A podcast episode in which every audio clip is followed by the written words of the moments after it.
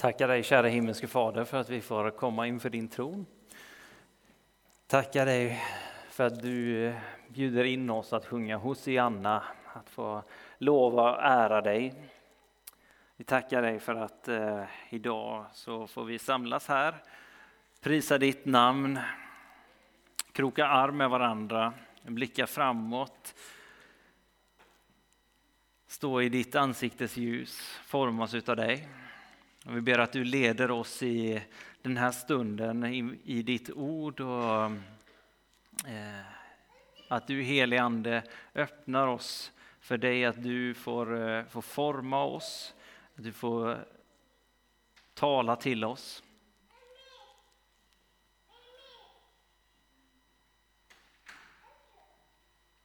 I Jesu namn. Amen. Idag börjar vi en, eh, en ny serie eh, där vi ska predika utifrån eh, den vision som vi har antagit som församling. Och vi kommer göra det under en tid och vi kommer göra lite uppehåll för andra serier och så, så vi kommer återkomma till det och det är visionen och de grundsatser som vi har, har antagit och det finns ett eh, dokument eller ett, eh, ja, ett papper om det ute i entrén här som ni kan läsa och så, så det ligger på hemsidan om man är intresserad. Men då kan man fråga sig, visionen, står, det, står den i Bibeln? Eh, är det okej okay att göra det på första advent? Finns det, är det temat för, för första advent eller ska man inte göra något annat på första advent? Och det är faktiskt så på normalt sett på första advent så predikar man över ett nådens år. Och I år så frångår vi det och kommer ha det här temat då som är vi vill se Guds rikes tillväxt, att människor kommer till tro på Jesus, att hela samhället påverkas. Amen, precis. Och om man tycker att det är okej okay eller inte att frångå traditionen här så, så kan vi ha ett samtal om det efteråt. Men också under predikans gång här så kommer vi att eh, komma in lite på eh, varför vi, vi väljer att göra detta. Men det är också så att vi har jobbat ganska mycket med just visionen. Eh, tanken med vad vad vi tror att vi ska rikta in oss på, vad vi tror att vi är. Och, och vad jag tror med detta, vad, vad vi säger här, det är ju inga revolutionerande grejer egentligen, utan det är, som jag ser det, det centrala i kristen tro. Och som jag egentligen tänker är att vi förankrar oss. Vi förankrar oss i vilka vi är, vilka vi är kallade att vara, att vi får samla oss och centrera oss kring det och vi får lyfta blicken och, och se vart vi ska någonstans. Och tro på vem Jesus är, vad som är möjligt i Guds rike, vad han har för oss. Och som sagt, idag är första advent. Och vi har tänt det första ljuset här i början av gudstjänsten. Kanske några av oss har tänt ett ljus hemma idag innan ni har kommit hit. Och när vi gör det, när vi tänder ljuset, så tänder vi det för att vi ska vara ett ljus i mörkret. Ett ljus tänds och det ska lysa i mörkret. December som är den mörkaste månaden om året och vi får tända ett ljus för att det ska skina i mörkret. Jesus kallar både sig själv för världens ljus och han kallar lärjungarna att och säger till dem att ni ska vara världens ljus. Och han kallar oss till att vara världens ljus. Att vara ett ljus i mörkret. Och jag tänker när vi går in i den här serien och när vi talar om visionen, att få se Guds rikes tillväxt, att få se människor komma till tro på honom, på Jesus Kristus och få se hela samhället påverkas utav, utav Jesus och hans rike, så handlar det om att ljuset får spridas, att någonting får stråla fram, någonting som kommer av, av ett annat rike. När väckelsen drog fram på öarna i Göteborgs skärgård så var Guds närvaro och härlighet så stark att människor har vittnat om det, det kanske en hel del av er har hört om, men att det var så starkt att eh, man talade om, och människor har vittnat om hur de trodde att det brann ute på öarna. Att eh, härligheten var så förtätad, Guds närvaro var så förtätad att de trodde det, det brann. Och vissa människor till och med ringde brandkåren för att de trodde att eh, ja, elden brann där ute. Men det var Guds närvaro som var där. Och om och om igen genom väckelsehistorien så vittnar man om det här att, att Guds närvaro var ibland oss, Guds eld kom. Och man såg så att säga Herrens eld, man trodde att det brann på ställen. Och Johannes döparen säger att han som ska komma efter mig, jag döper er med vatten, men han som kommer efter mig, han ska döpa er i helig ande och eld.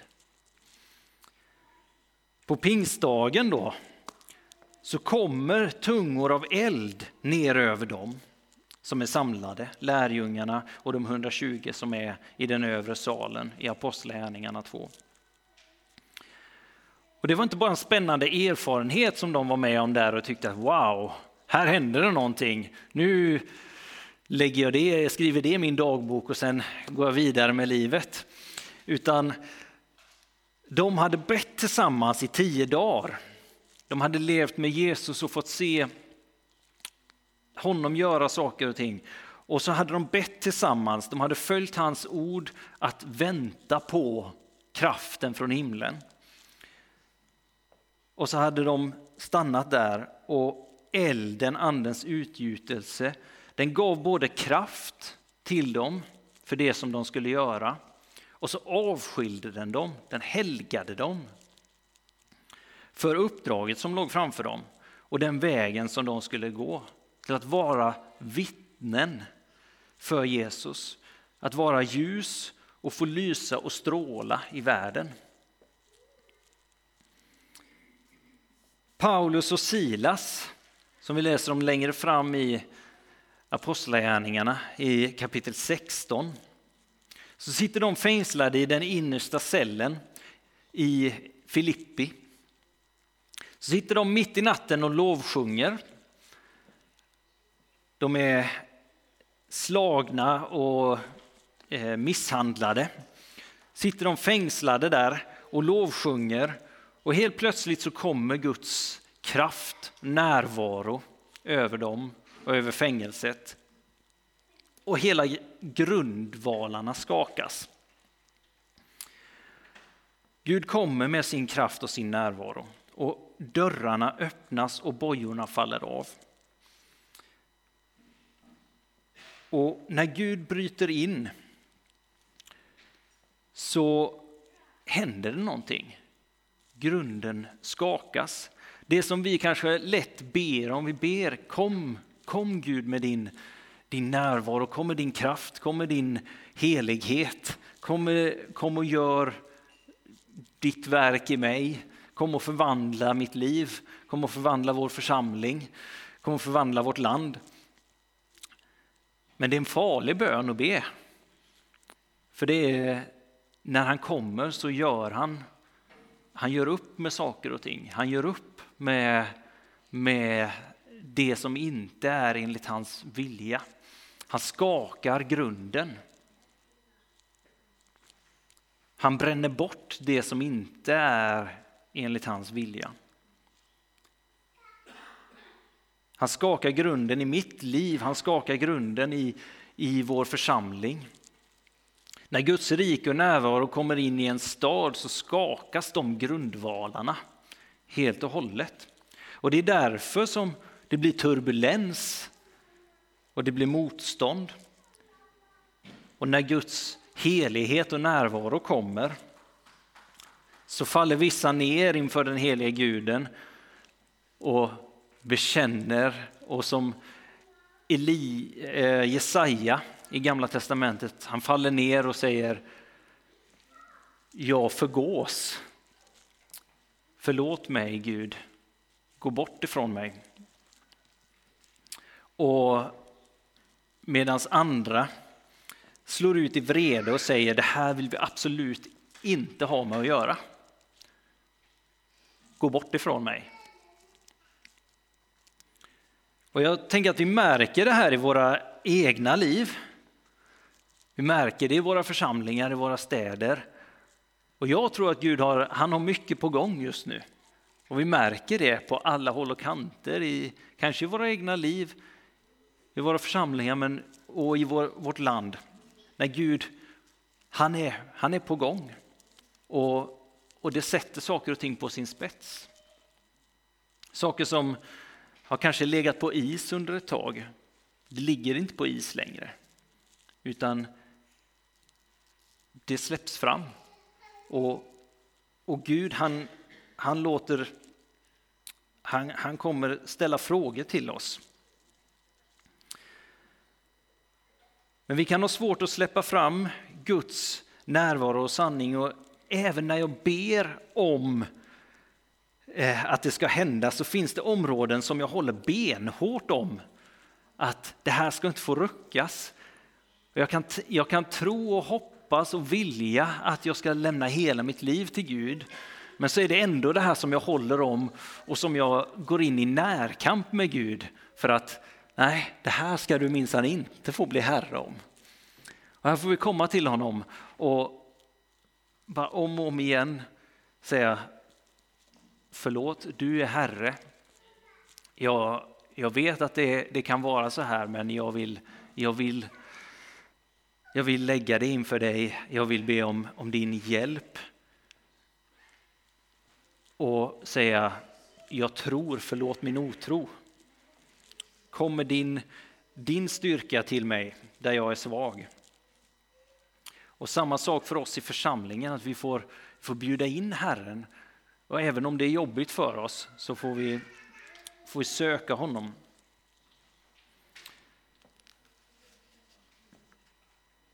Och när Gud kommer så, som sagt, så skakar han om. Och här, här, det blir så att bekvämligheten, tryggheten försvinner för oss. Tryggheten kommer vi ju alltid ha i Jesus. Men det som vi sätter vår trygghet i till som inte är honom och hans rike, det kommer han att utmana. För allt annat som vi, vi vill förankra oss i, som inte är hans ord, honom och hans rike, det, det kommer skakas och det kommer brännas upp.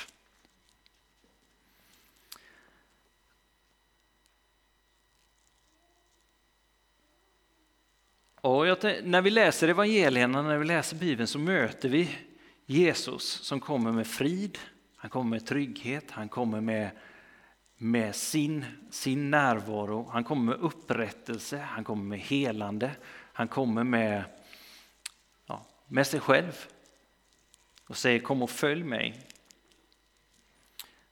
Han kommer också och utmanar den stabilitet, den, eh, den tillvaro som vi, vi har skapat runt omkring oss.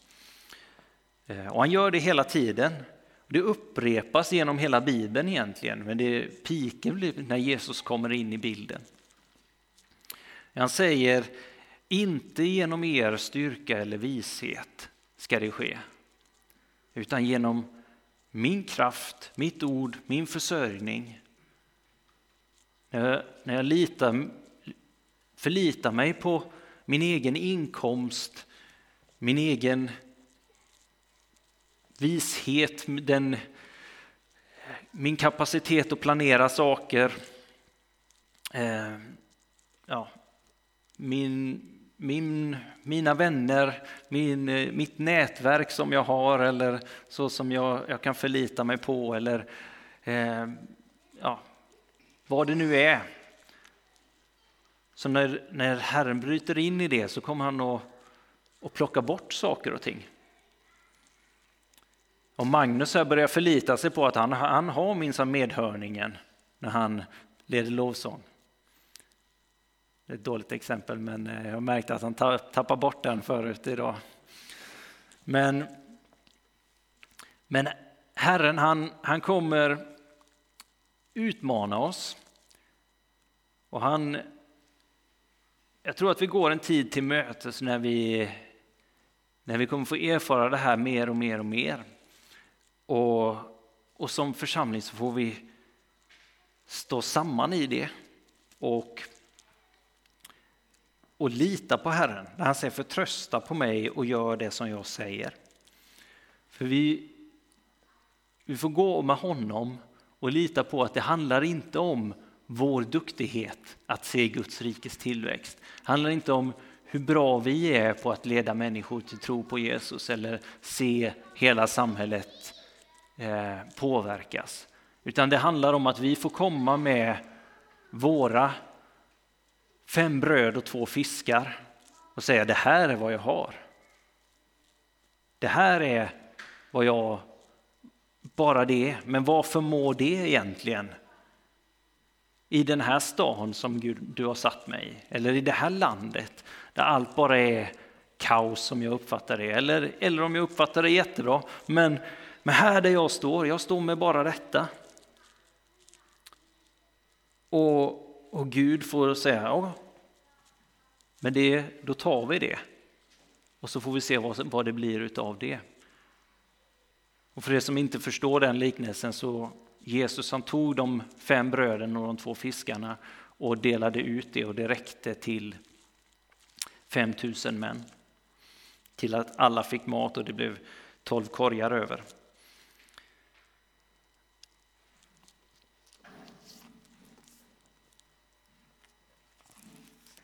En man som heter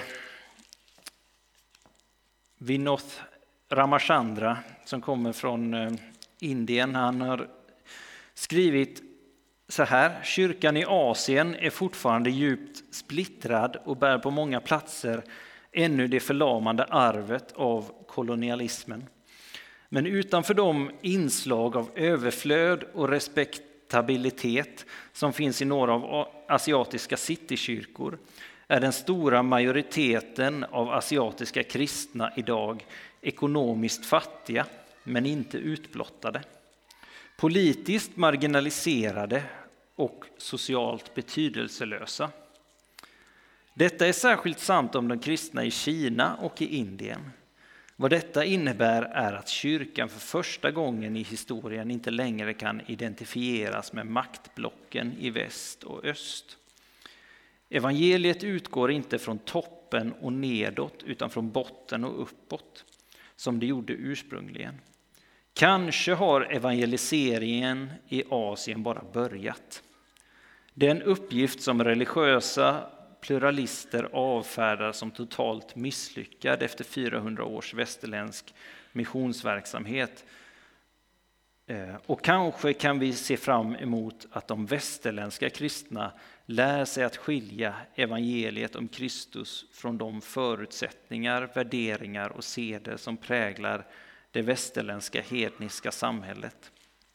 Så att de får uppleva den sociala förföljelse och det lidande som evangeliet medför. Kanske börjar Europas och Nordamerikas evangelisering på nytt.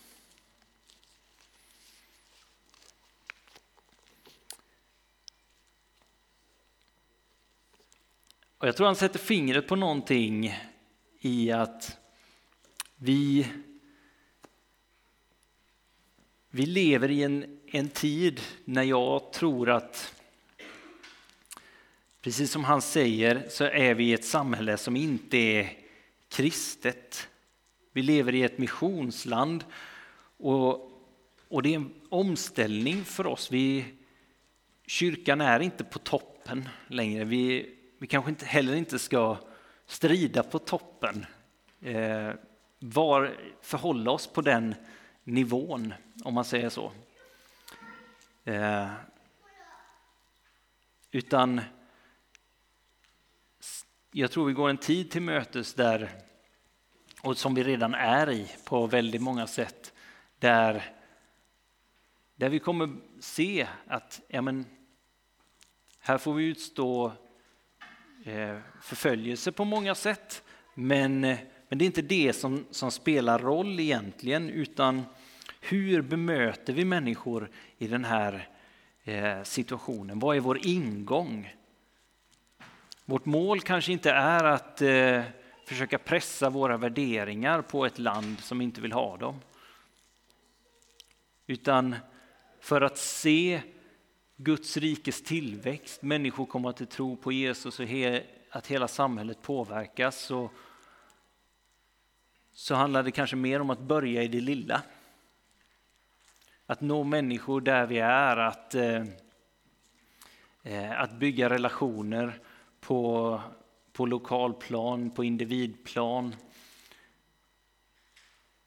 Att inte tänka först och främst att vi ska omvända statsministern och inta eh, skolor och, och, allt sånt där. Även om, om sådana saker hade varit fantastiskt också. Men be om Guds eld över, över oss som församling och över våra, de som finns nära till hands.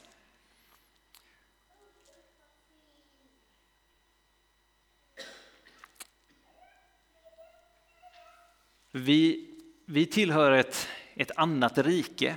Vi tillhör en eh, himmelriket. Och ja, vår primära tillhörighet är inte eh, att vi är svenskar eller att vi är Halmstadbor. Utan Gud har tagit oss ut ur den här världen och han sänder oss tillbaka till en fallen värld eh, där vår primära tillhörighet är någonting annat. Vår naturliga plats är någonting annat. Det är Guds rike som är vår hemvist. Eh, vi är hemma i himmelriket med Jesus. Vi är himmelska medborgare. Och din och min identitet är det. Och vi kommer som himmelska ambassadörer. Och himmelriket är ett upp och nedvänt rike.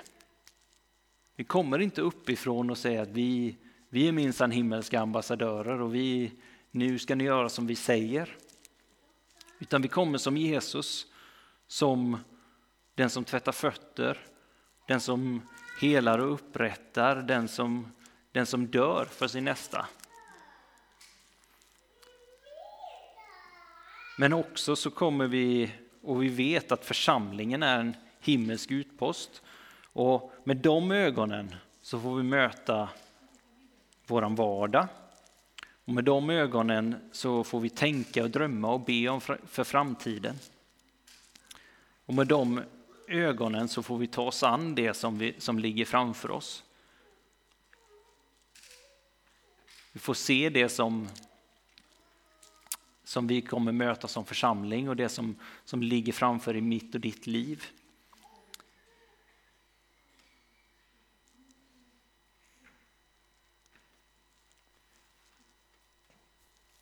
Vem som heter William Temple har sagt så här att kyrkan är troligen den enda gemenskap på jorden som existerar för deras skull som inte tillhör den. I en pluralistisk värld är kyrkan inte kallad att kämpa för sina egna rättigheter utan för andra gemenskapers och individers. Ja, verkligen att lägga sina egna rättigheter åt sidan för att göra detta. Och när den gör det kommer den att hamna i konfrontation med politiska auktoriteter och chauvinism, till och med i de egna leden. Jag tror att när vi går in med uppdraget att se Guds rikes tillväxt, se samhällen förvandlade, så handlar det om att jag får ta upp mitt kors. Jag får lägga ner alla mina egna ambitioner. Och vi som församling får göra det. Det handlar inte om att Kornhillskyrkan ska bli stor och fantastisk. Det handlar inte om att vi ska slå oss själva för bröstet och kunna skicka in till budbäraren om allt bra som vi har gjort under det senaste året. Utan det handlar om att människor ska få förstå vem Jesus är. Det handlar om att, eh, att han ska bli förhärligad. Och det handlar om att Halmstad ska få bli förvandlat av Guds rike. Att vi vet att det som står i det här, den här boken, det är, det är det bästa. Sen vad som händer med oss, vad som händer med Kornhillskyrkan, om vi finns om tio år eller inte, det är inte det relevanta. Så Herre, vi tackar dig. Vi tackar dig för att du är värdig. Att du är värdig i allt eh, i våra liv. Att du, eh, att du är värdig eh, eh, att alla knän böjer sig inför dig, Herre. Vi ber om, om vishet, vi ber om eh, nåden att lita på dig i allt vi gör. Att du har de bästa planerna, de bästa vägarna, Herre. Att tro på att du är eh, försörjaren, att dina planer, även om de verkar så otroligt dumma i våra ögon, så får vi, får vi gå den vägen ändå.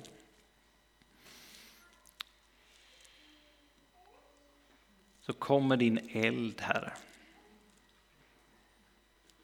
Kommer din kraft att få vara dina vittnen. Kommer längtan att eh, göra det som, som du vill att vi ska göra. Utmana oss på de områden som vi, som vi håller hårt i. Och låt oss få se dig bli förhärligad, Herre. Låt oss få se ditt rike växa, låt oss få se människor möta med dig, Herre.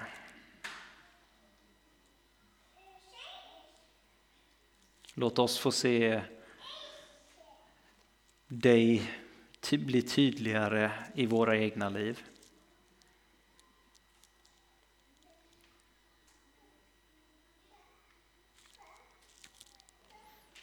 Amen.